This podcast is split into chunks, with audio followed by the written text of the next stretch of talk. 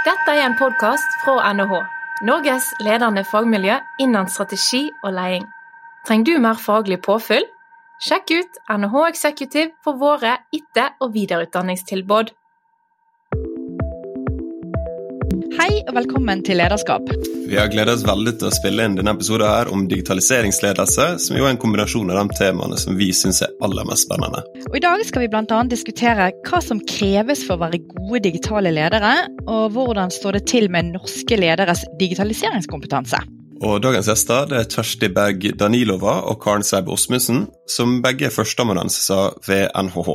Og Sammen med kollegaen sin Jon Iden så har de skrevet boka 'Digitaliseringsledelse', som kom ut før jul, og som allerede har rukket å bli pensum på flere institusjoner rundt om i landet. Og Før vi går i gang, så tipser vi igjen om at om du klikker på abonner, så blir du varslet om nye episoder. Og velkommen tilbake til Lederskap. Velkommen til dere to, Kjersti og Karen. Kan ikke dere kort fortelle litt om deres fagbakgrunn og forskningsinteresse? Kjersti, du først. Ja, takk skal du ha, Therese. Så kjekt å få lov å være med i podkasten eh, deres. Jeg heter altså Kjersti Danilova. Har en doktorgrad i eh, prosessledelse og digitalisering eh, fra NH. Ferdig med den for en fire år siden. Og en bakgrunn fra NHO i bunn med siviløkonom og mastergrad derfra, i tillegg til en eh, mastergrad i språk eh, fra Universitetet i Bergen. Og jeg forsker på digitalisering, digital transformasjon og prosessledelse og prosesstankegang. Og er spesielt opptatt av eh, organisatoriske og ledelsesmessige konsekvenser av dette. Altså, hva betyr det å jobbe med teknologi i dag?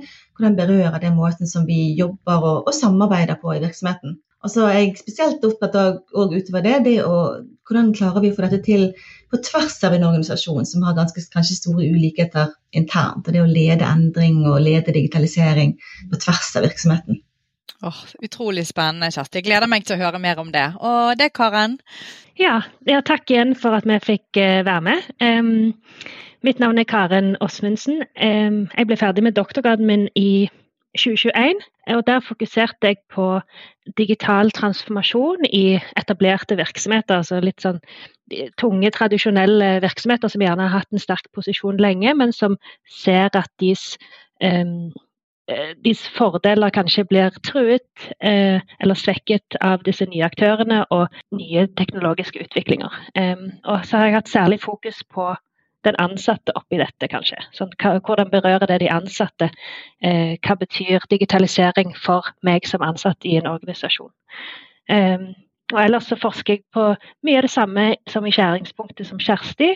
Um, har ikke like stort fokus på prosessledelse eller prosesstankegangen som sådan, uh, men ser òg litt på uh, digitale økosystemer og plattformer, og hvordan organisasjoner sammen kan, kan, forenes om å jobbe med eh, digitale løsninger og data for å f.eks.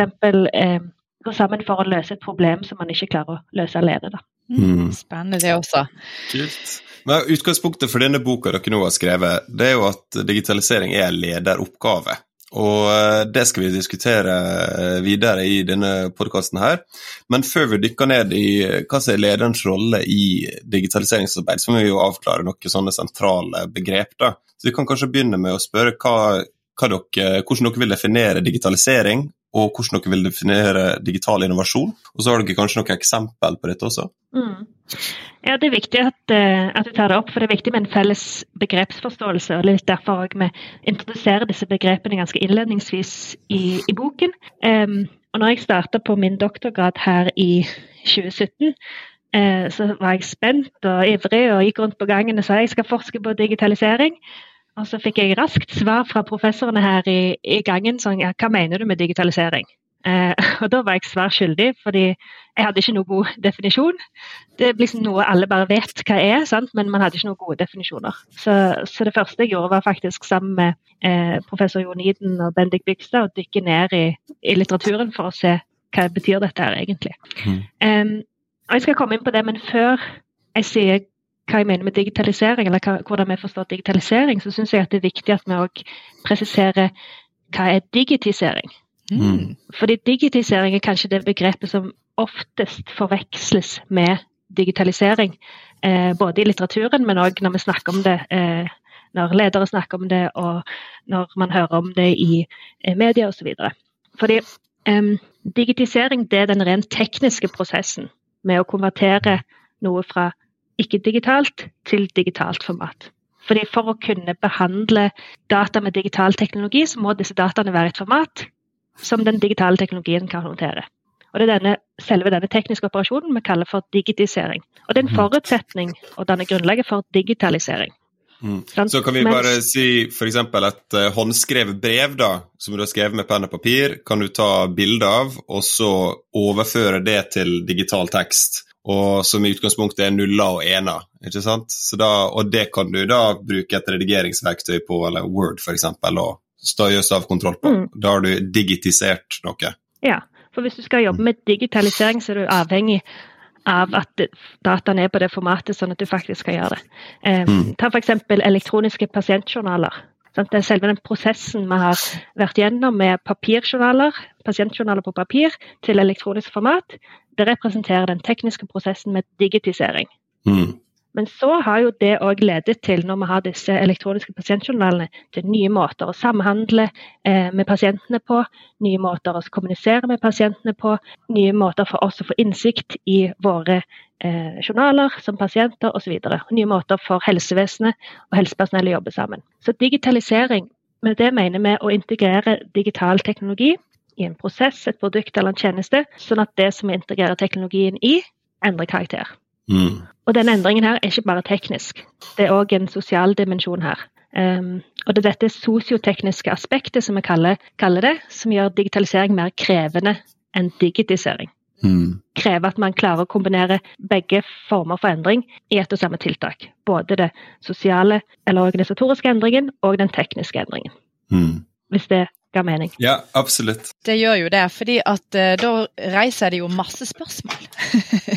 sånn? For da er det ikke bare å ta noe til å få det til å bli nuller og enere, som uh, sikkert er komplisert nok i seg sjøl, men da er det jo å putte på uh, mennesker som skal forstå ting. du skal forstå en reise, du skal forstå et, en verdikjede, og, og, utrolig mange elementer her som, som så virker ekstra komplisert. Og når man da snakker om digital innovasjon i dette, skiller man da mellom mellom hva som er digitalisering og hva som er digital innovasjon? Eller er det same same? Ja, det, vi, vi, skiller mellom det, men samtidig så finnes det ulike varianter av digital innovasjon, som jeg skal komme inn på om litt, men eh, som kanskje ligner eh, ganske mye på digitalisering. Eh, men bare for å ta liksom, det grunnleggende med digital innovasjon, det bygger jo naturlig nok på begrepet innovasjon, som eh, lytterne sikkert kjenner veldig godt fra før. Sant? Det handler om å skape mm. noe nytt, eller vesentlig endre noe eksisterende, sånn at det framstår som nytt. Eh, det skal være nytt, nyttig og nyttiggjort. Så digital mm. innovasjon er egentlig det samme, bare at det er muliggjort av digital teknologi. Og så snakker vi gjerne om ulike former for digital innovasjon. Du har digital produktinnovasjon eller tjenesteinnovasjon. Og så har du digital prosessinnovasjon, og så har du digital forretningsmodellinnovasjon. Og hvor digital prosessinnovasjon, som egentlig går på å vesentlig endre eh, eller få til en helt ny utforming av en eksisterende prosess, muliggjort av digital teknologi, det kan vi òg se på som kanskje det samme som digitalisering av en prosess. Alright. Nei, men Dette er, eh, er, kult. Men kanskje vi kan gå videre til å snakke litt om hva dere mener med digital teknologi? da? Dere nevner jo en del forskjellige typer i boka. Vil du snakke litt om det? Eh, ja, dette er et godt spørsmål. Eh, og et godt spørsmål som det er vanskelig å svare helt kort på. Eh, for det er nesten sånn at vi nærmest over natten har bytta ut ord som IT og informasjonsteknologi med digital teknologi og digitale løsninger. Og hvis vi går tilbake igjen til begrepet informasjonsteknologi, så handler jo det om teknologi for å bearbeide, lagre og formidle informasjon i digitalt format. Og mm den samme beskrivelsen kunne vi egentlig også brukt på, for å forklare digital teknologi. Så mm. noen vil kanskje si at overgangen fra å kalle det for IT til digital kanskje ikke har noe å si, at det egentlig bare er ny vin på gamle flasker. Eh, men vi mener litt annerledes. Fordi vi mener at det er hensiktsmessig å bruke begrepet digital, for det gir teknologien og anvendelsen av den et nytt innhold. Mm. IT det forbindes med den etablerte IT-avdelingen, et kostsenter med lav endringstakt. IT-avdelingen mm. er gode på å implementere og forvalte teknologi, men de forbindes gjerne ikke med fornyelse og innovasjon. Mm. IT assosieres med stabilitet, sikkerhet, pålitelighet. Eh, de sentrale fagsystemene, de store virksomhetssystemene, altså det forretningskritiske. Mens når vi mm. tenker på digital teknologi, og når vi omtaler det, så assosieres det med noe nytt, med innovasjon, med fornyelse. Og mens IT er det IT-avdelingen som holder på med, så er digitale, digital teknologi det er noe hele organisasjonen holder på med. Mm. IT IT-sjefens ansvarsområde, det digitale er forretningsområdenes og ledernes ansvar. Mm. Og, og dermed, med dette skillet, så er det derfor vi snakker gjerne om to ulike kunnskapsregimer. Eh, du nevnte at vi hadde noen ulike typer i boken, og vi snakker gjerne om en todeling eh, som vi har eh, videreutvikla og adaptert fra professor Bendik Bygstad fra Universitetet i Oslo. Han har utvikla en modell som skiller mellom tungvekts-IT og lettvekts-IT. Mm. Så tungvekts-IT det er gjerne det som forbindes med fagsystemer, virksomhetssystemer, det som typisk utvikles og forvaltes eh, i regi av IT-avdelingen. Mens lettvekst-IT er det som gjerne forbindes med nyere, moderne digitale teknologier, eh, som i større grad utvikles og eh, forvaltes i lokale forretningsenheter. Man trenger ikke ha IT-bakgrunn for å kunne utvikle en nettveksløsning. Vi har studenter på NHH som utvikler apper i løpet av eh, et semester. Mm. Så hva som regnes som aktuelle digitale teknologier for digitaliseringsarbeid, endres jo fortløpende, eh, mm. ettersom vi i dag vitner til en rivende utvikling for digital teknologi. Sant? Og Der kan vi kanskje nevne at det, det er hensiktsmessig å snakke om digital teknologi, ikke bare informasjonsteknologi. For hvis vi snakker om informasjonsteknologi, så kunne det vært papyrusruller og eh, papiraviser og bøker og radio osv. Det er jo også informasjonsteknologier. Men, eh, men, men ok, det, du sier at det, det er jo en rivende utvikling nå. Veldig mye spennende som skjer, og det er sikkert på at lytteren vår følger med på uh, alt som skrives om ChatGPT, eller om bildegenerering, eller om det siste jeg leste om, om eh, du kan skrive tekstprompts for å lage musikksnutter man kan se for seg at man kan få datamaskiner til å generere sant, musikk, bildeinnhold og, og, tekstinnhold til å utvikle reklamekampanjer ganske kjapt, f.eks. Um, ehm, så hvor mye av disse typer utviklingene bør en leder være kjent med i dag? Hva, hvor ligger lederansvaret her? Og hvor, hvor, detaljert kunnskap bør en leder ha? Jeg tror jo at mange ledere i utgangspunktet tenker på dette som ganske krevende å henge med på. For det er jo den rivende utviklingen, som du sier. Og, jeg tror kanskje spesielt for en, ja, la oss si en fem-seks år tilbake, når disse store begrepene begynte å bli veldig i hvert fall høst opp i media, og mange begynte å snakke om dette, digitalisering og digital transformasjon, og nå må vi ta tak i dette. Eh, så tror jeg kanskje at den, ja, Det var nok en del ledere dette som ble litt sånn skremt i utgangspunktet. At hjelp, hva betyr dette for meg som leder? Eh, jeg har jo ikke den teknologiske kompetansen. Så hva, hva trenger jeg egentlig vite her? Um, men litt av det som vi er opptatt av, det er at ja, som leder så trenger ikke man nødvendigvis å være veldig langt inne i teknologien. Du snakket om ChatGPT f.eks. Eh, det, skal, det skal ganske mye til for det første for å forstå hvordan henger denne teknologien sammen, hvordan er det den fungerer rent teknisk sett. Eh, det er kanskje få av oss som egentlig forstår det, eh, eller som vil være veldig langt inne i det. Um, poenget vårt er jo at som leder så trenger man kanskje ikke det. Uh, vi er ikke opptatt av at nå skal alle ledere bli teknologer eller ha sånn veldig inngående teknisk innsikt her. Men vi tenker at alle ledere i dag bør ha en tanke om eh, hva betyr dette for oss som virksomhet? Eh, hva betyr dette eh, for måten vi jobber på og for de leveransene som vi har for våre produkter og tjenester? Eh, hvordan må vi få til dette? Så I boken så snakker vi egentlig om fire forhold. Jeg kan jo fortelle litt om de. Um, for vi sier at det som ledere kanskje bør forstå noe rundt, det handler om for det første egenskaper. Uh, og være litt nært tilknyttet dette her, så handler det om muligheter, forutsetninger og konsekvenser. Så jeg kan si litt nærmere om, om hver av disse, så ikke det bare blir noen veldig, sånn, veldig overordnede punkter som henger der.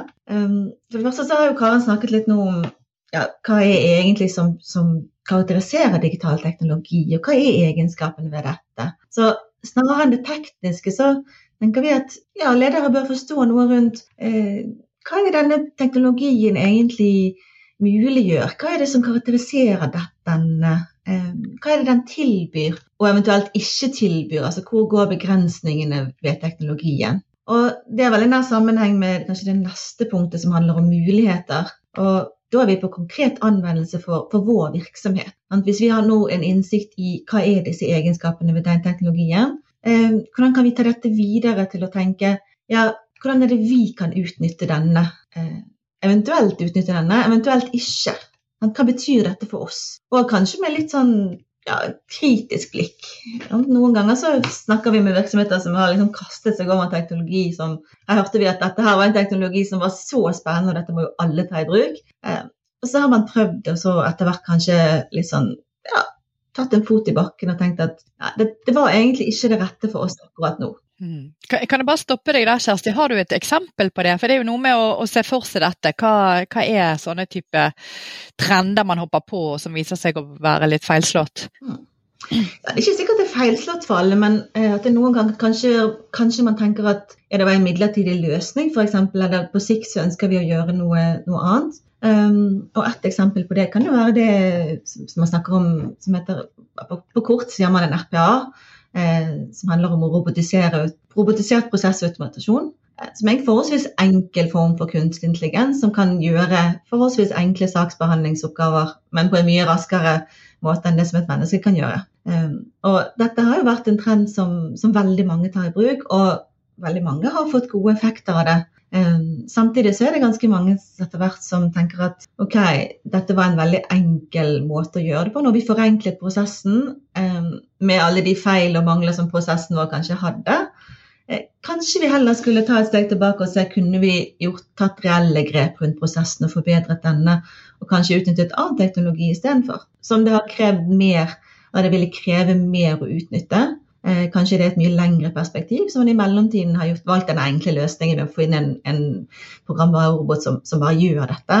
Um, og så i et lengre perspektiv så, så, så, tar man større grep rundt prosessen og virkelig jobber med å omforme denne. Så kan jeg gå videre til det, til neste forholdet. Nå har vi snakket om dette med egenskaper og, uh, og muligheter. Um, og det neste som, som, vi er veldig opptatt av, da, det er jo ja, hva er egentlig forutsetningene for å gjøre dette hvis vi skal jobbe med digitalisering og, og lykkes med digitalisering, eh, hva krever dette av oss som virksomhet? Enten man skal utvikle eller anskaffe eller innføre noe nytt her. Hva, hva, krever det av oss? Hva er det vi må tenke på? Hvordan er det vi må jobbe på nye måter?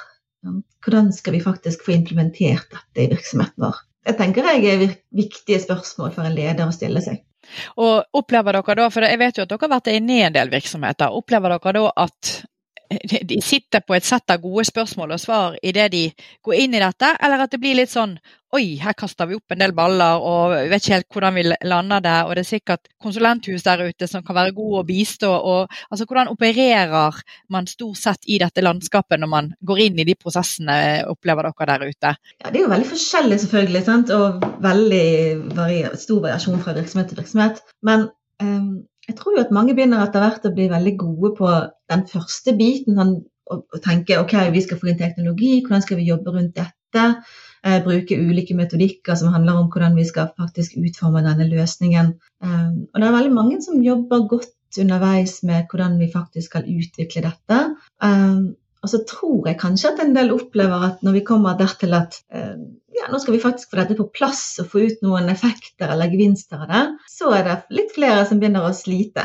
Eh, der er det mange som har litt sånn tilnærming om at ja, nå er vi jo ferdig. Nå har vi jo utviklet dette.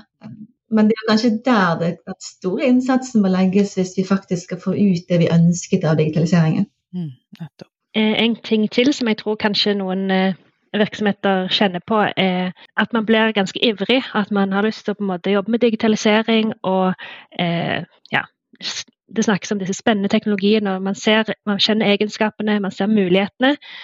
Eh, og dette er bra for oss. La oss sette i gang. Og så er det denne forutsetningene som kanskje av og til eh, At man ikke har vært like god der, spesielt når man tenker på data. For, dette, for, å kunne ta i bruk mye av disse teknologiene, for å kunne gjøre det på en god måte, for å kunne digitalisere, så trenger man data.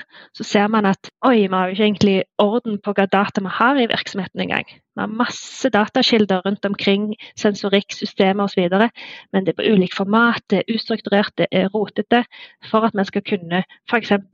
Eh, bruke avanserte algoritmer og maskinlæring, så må man ha oversikt over dataene man faktisk har for å kunne bruke dem. Så jeg tror det, det med data management og det å ha gode strukturer for hvordan data skal lagres, behandles, sorteres osv., tror jeg er eh, noe som må være i bunn, som man kanskje glemmer litt. Eh, og så tenker man at det kanskje var litt det er litt det kjedelige arbeidet. Sant? Man vil bare komme i gang. Eh, men data er en viktig forutsetning for å kunne jobbe med dette på en effektiv måte. Absolutt. Men da får vi tilbake til det da, Kjersti. Du hadde flere punkt her da, eh, i, eh, ja. i, rammeverket. Jeg har spart det er det viktige til slutt. Ja. ja. Jeg tenker at um, alle ledere og egentlig alle som jobber med digitalisering, bør jo ha en tanke rundt eh, hva er egentlig konsekvensene av det vi gjør. Um, hva betyr dette? Uh, både på godt og for å si på vondt, sånn sett. Vi, vi digitaliserer jo fordi at vi ønsker å få ut noen effekter. Eh, det er, det er noe man vil oppnå her. Eh, så selvfølgelig det å ha et bevisst forhold rundt hva er det egentlig vi ønsker å oppnå. Har vi et klart mål eller klare mål med dette? Eh, men òg på, på, vondt. Altså kan, er det sånn at det å innføre den teknologien kan kanskje ha noen negative konsekvenser som vi er nødt til å være oppmerksom på og håndtere eventuelt. Enten for oss og våre ansatte, eller om det skulle være for våre kunder eller brukere. Eller det kanskje handler om det berører noe som handler om personvern eller digital sikkerhet eller lignende. Mm. Så, så er det jo beskrevet nå disse fire stegene, eller hva man skal si, da, sant? egenskaper, muligheter, forutsetninger og konsekvenser. Er det sånn at når dere har studert dette eller snakker om det, så er det sånn ja, da setter vi i gang, folkens. Og så går man eh, fint og prosessuelt gjennom disse fire stegene, og så implementerer man. Eller er dette en sånn iterasjonsprosess frem og tilbake? Altså hvordan ser dette ut i praksis? Eller går det an å beskrive det sånn? Jeg tror det er et veldig broket landskap, sånn sett. Men når vi, eh, utfordringen i mye av den type arbeid, og når vi snakker om digitalisering og digital transformasjon, er jo at eh, jeg tror jo det er veldig sjelden en veldig sånn lineær prosess at nå, nå, gjør vi det, så gjør vi det, så gjør vi det, så gjør vi det, og så er vi ferdig. Um, her er det veldig mye som skjer samtidig, og som det skjer endringer underveis, og så må vi justere oss etter dette, og så kommer det eh, kanskje noe nytt som skjer parallelt. Så jeg tror, som du sier, Therese, at dette her er noe veldig, eh, veldig iterativt egentlig, og noe som man hele tiden må være oppmerksom på at her må vi kontinuerlig kanskje gjøre en ny vurdering av dette. Har det kommet inn noe nytt som gjør at vi må eh, kanskje tenke igjennom noe, f.eks. For forutsetningene på nytt mens vi jobber i dette? Eh, eller kanskje har det kommet en teknologi som får nye konsekvenser? Mm. Men for å da eh, spille rett inn i kjerna på boka deres, da, hva er lederens rolle i, eh, i, disse digitaliseringsprosessene? og Hvordan kan man beskrive vellykka eller god digital ledelse? Eh, I boken så definerer vi jo digital ledelse som komponenten utnyttelse av digitale ressurser for å realisere virksomhetens mål. Eh, og den definisjonen er egentlig basert på en forståelse av lederens oppgaver og ansvar sånn generelt på et overordnet nivå. Nå vet vi jo at det selvfølgelig finnes ulike perspektiver på hva ledelse innebærer, men eh, på et generelt nivå da, så bygger vårt perspektiv på at ledere eh, de skal planlegge hva som skal gjøres, de skal organisere arbeidet, de skal styre og motivere for å påvirke aktiviteter, og så skal de følge opp resultater i henhold til målsetninger. Mm. Eh, og Det vanlige synet da er at ledere for å få til dette har typisk kontroll på eh, to typer ressurser. Eh, arbeidskraft og kapital. Mennesker og penger. Altså, dette er veldig generelt og overordna nivå, selvfølgelig. Men vi mener at det er ikke tilstrekkelig for digitalisering. Altså at eh, når man skal eh, For å bli en god digital leder, så må man òg betrakte digital teknologi som en ressurs på lik linje som arbeidskraft og kapital. Eh, og da tenker vi Når vi beskriver digital teknologi i denne sammenheng, så tenker vi ikke bare eh, på teknologien i seg selv, men òg data, applikasjoner, infrastruktur, eh, digitale plattformer, økosystemer osv. Fagområdets metoder, verktøy, teknikker osv. Eh, og hvis man tenker seg da at man skal eh, forvalte digital teknologi som en ressurs, det skal ledes, eh, så kan man si at digital ledelse innebærer fire aktiviteter på et mm. overordnet nivå. Planlegge digitale ressurser. Det handler om å overvåke eh, den teknologiske utviklingen. Sant? Følge med. Nye teknologier utvikles til stadighet, og de får stadig nye anvendelsesområder. Så man må se etter nye muligheter hele tiden, og utvikle en handlingsstrategi for digitalisering. Og Det andre er at man skal organisere de digitale ressursene. Dvs. Si å sette i gang digitaliseringsinitiativer, prosjekter, ved at man skal skaffe eller utvikle eh, nødvendig teknologi, sette sammen eh, kompetente team, utviklingsteam, prosjektteam bestående av interne, eksterne osv. Så, det er selve organiseringen. Og så skal man òg styre og motivere, som er det tredje punktet. Styre og motivere de digitale ressursene. Dvs. Si å passe på at digitaliseringsarbeidet opprettholdes, iverksette eh, eventuelle organisatoriske endringer og tiltak for at dette skal kunne flyte videre, og fortsette å utvikle kompetanse og nye ferdigheter.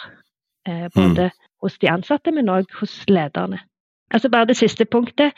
Eh, at man skal følge opp de digitale ressursene. Vil si, sånn som Kjersti var inne på, etterse at gevinstene og effektene av digitaliseringsarbeidet realiseres. Og hvis ikke, hva kan vi gjøre for å for å etterleve likevel. dere har jo kjempemorsom erfaring med å både lede et masterkurs på NHH og executive-kurs for etablerte ledere. Hvordan vil dere si at det står til med liksom digitaliseringskompetansen i, i, hver av disse gruppene? Jeg kan begynne med, eh, med masterkurset, eh, så kan Kjersti fortelle litt om executive-kurset vårt etterpå. og jeg vil si at våre studenter de er veldig nysgjerrige Eh, og de følger veldig med på utviklingen som skjer. Eh, det, vi hadde noen gode diskusjoner eh, forrige uke om ChatGPT. Dette er jo teknologi som er ganske ny, ble åpna for alle 9.12. i fjor. Og det har vært store diskusjoner i utdanningsinstitusjoner og i media hvordan vil dette påvirke oss. Og jeg åpner opp for studentene. ok, Hva betyr dette her for dere som studenter, og hva betyr det for oss? Og Vi hadde gode samtaler, de er nysgjerrige, de ser mulighetene, de ser konsekvensene. Eh, så jeg vil si at de absolutt eh, eh, innehar kompetanse som gjør at de kan ta fatt i dette på en god måte. Og så I kurset så prøver vi da å hjelpe de òg å utvikle kompetanse, ferdigheter og kunnskap til å forstå både egenskapene, mulighetene forutsetningene og konsekvensene. Da. Mm. Det er jo godt å høre at vi utstyrer våre masterstudenter ut i virksomhetene sånn at de kan hjelpe. Så de, de, får rett og slett muligheten til å bli gode digitale ledere. Det er kjekt å høre, Karen og Kjersti. Eksekutivnivået, da? Hva, da skal de tilbake på skolebenken og de har skjønt at de må lære noe. Hva, hva, hva etterspør de, og hva er nivået, Kjersti? Ja, det er, jo, det er jo en veldig engasjert og spennende gjeng eh, vi har med oss der. Og eh, de har jo et veldig høyt nivå av kompetanse generelt, eh, og veldig mye erfaring med seg fra før. Og så tror jeg jo at de, eller Grunnen til at de sitter der, er jo at de kjenner på et behov for å forstå en del av det som vi snakker om her, bedre. da. Eh, så når vi jobber med de i executive-programmet, så prøver vi å gi de som ledere og potensielle ledere eller fremtidige ledere en, kanskje en større grad av sikkerhet i møte med de utfordringene som de allerede kanskje har kjent på. Og så bruker vi en god del tid på at de får ja, snakke med andre som kanskje møter lignende utfordringer, eller eventuelt andre utfordringer tilknyttet til digitalisering. Eh, og de jobber òg med en oppgave underveis der vi har som mål at de skal bli bevisst på en del av de som, en del av de, som de står i sjøl i virksomheten, og hvordan kan de jobbe med dette ved hjelp av ulike metoder og verktøy og tankeganger. Um, så ja. Karen, du ville ikke tilføye noe? Nei, vi har jo òg eh, Dere spør om hvordan eh, hvordan norske ledere, eller hvordan kompetansen er i dag. Vi har jo eh, gjennomført eh, et ganske stort studie på akkurat dette her. Eh, Kanskje du kan fortelle litt mer om, om, det studiet, Kjersti? For der får vi jo faktisk litt mer innsikt om dette konkret. Ja, vi gjennomførte som, som du sier, Karen, en større undersøkelse for ja, ganske nøyaktig et år siden, egentlig. Um, der vi involverte en del av de som gikk på executive-programmet vårt, og vi hadde en undersøkelse utenom dette.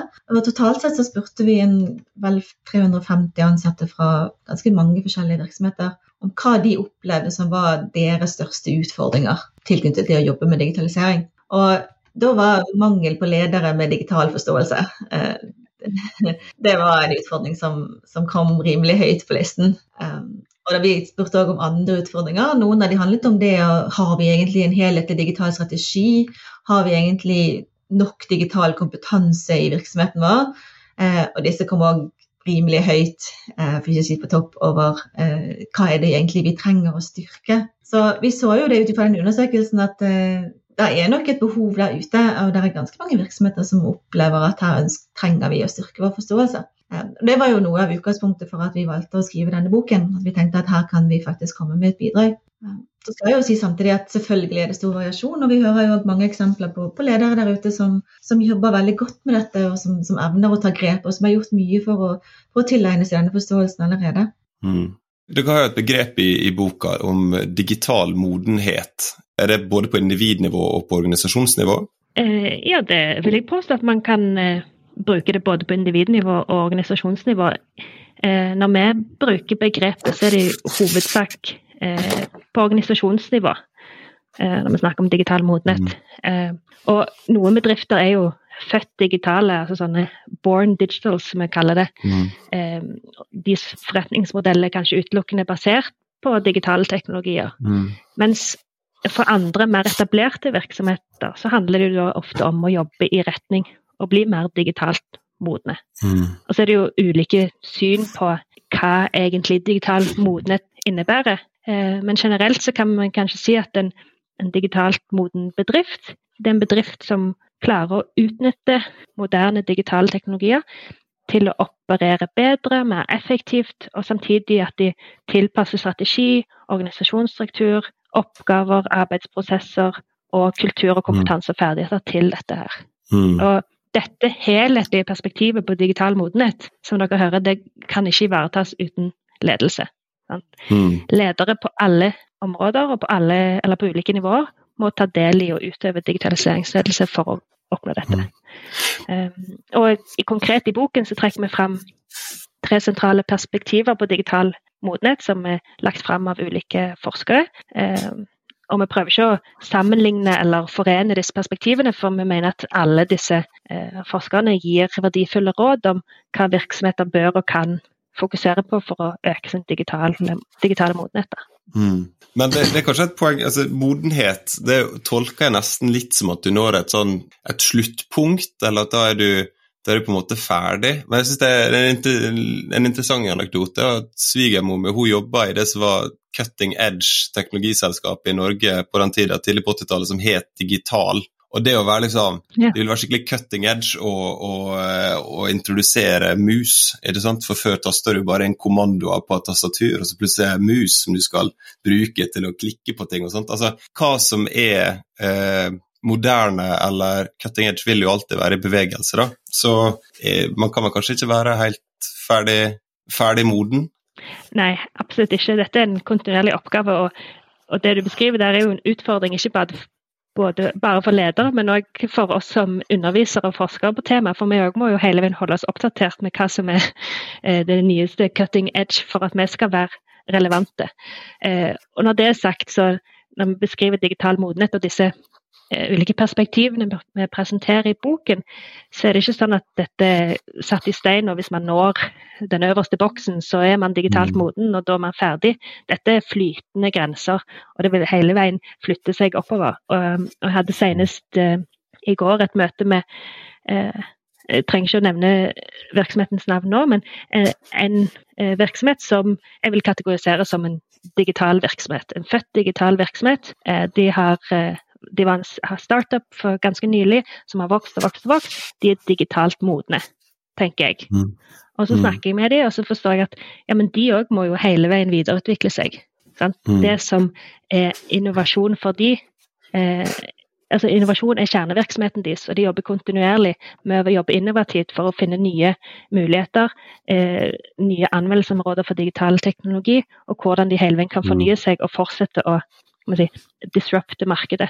For Mm. med en gang man har suksess og eh, ting går bra, god selvtillit og tro på seg sjøl, så er det veldig bra, selvfølgelig. Men da er det fort gjort å senke skuldrene litt for mye. Eh, det er vanskelig å følge med på endringer som skjer i omgivelsene, eh, som egentlig Mm. krever at man må omstille seg sjøl. Eh, og det er da det er farlig at man blir en, kan man si, en Titanic. Eh, Mm. man ser ikke truslene i, i omgivelsene. Eh, så det vil si at jeg mener at virksomheter må hele veien fortsette å overvåke markedet og se etter muligheter for å eh, digitalisere og jobbe mer innovativt. Mm.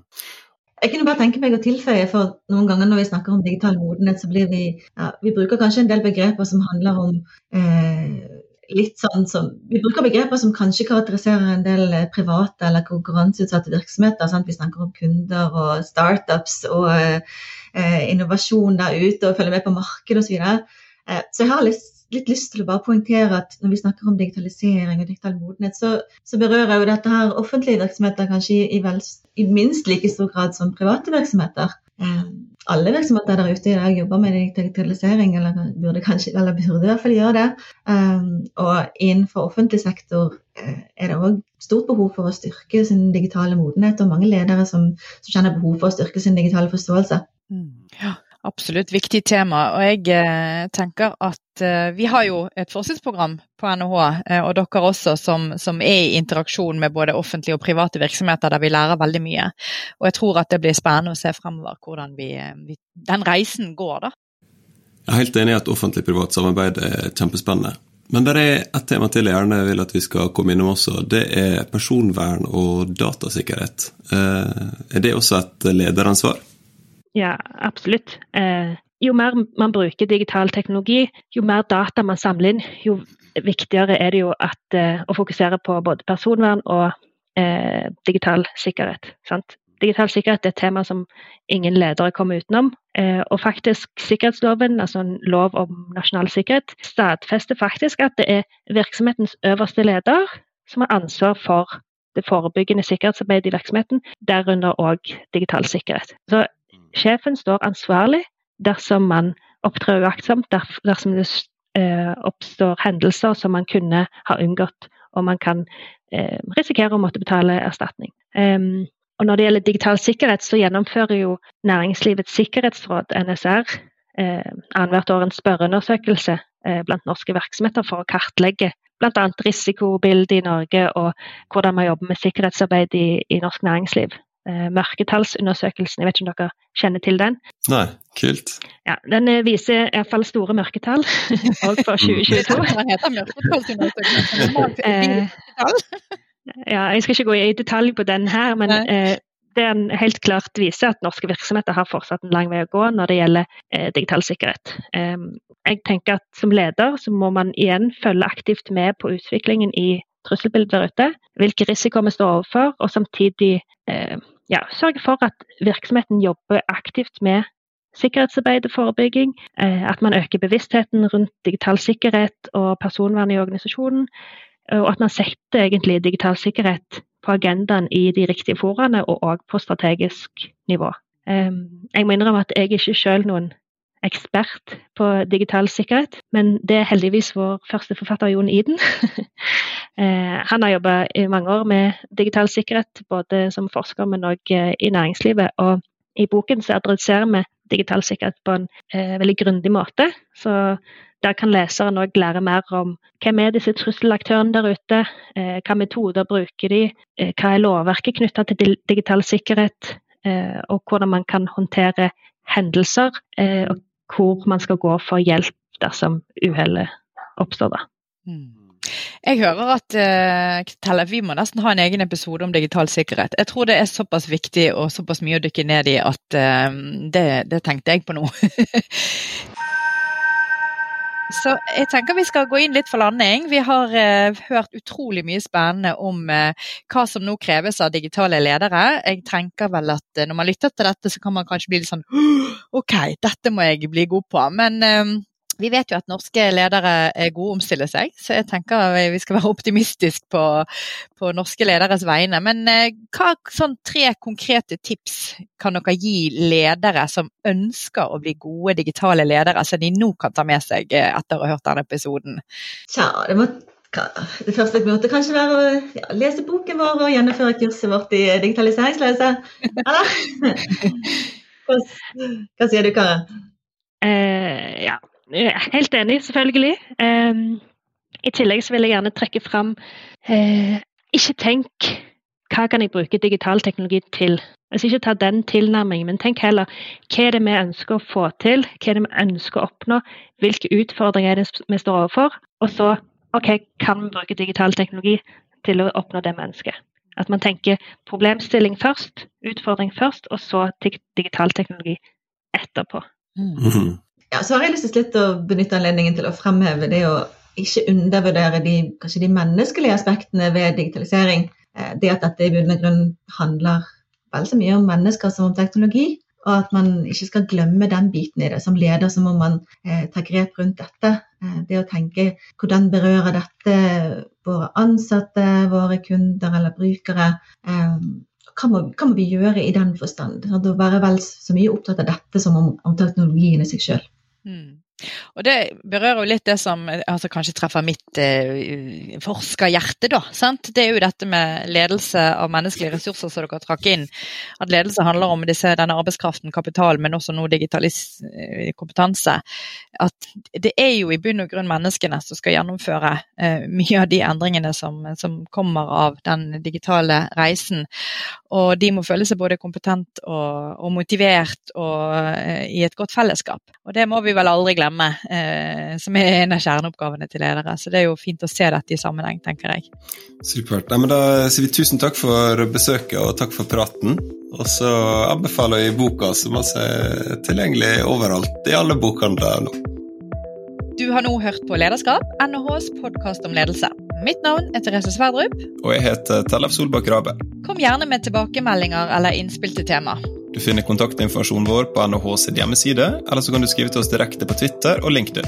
Og om du likte det du hørte, så blir vi selvfølgelig veldig glad om du vil abonnere eller dele episoden med dine kolleger eller venner. Vi høres! Dette er en podkast fra NHH, Norges ledende fagmiljø innen strategi og leding. Trenger du mer faglig påfyll?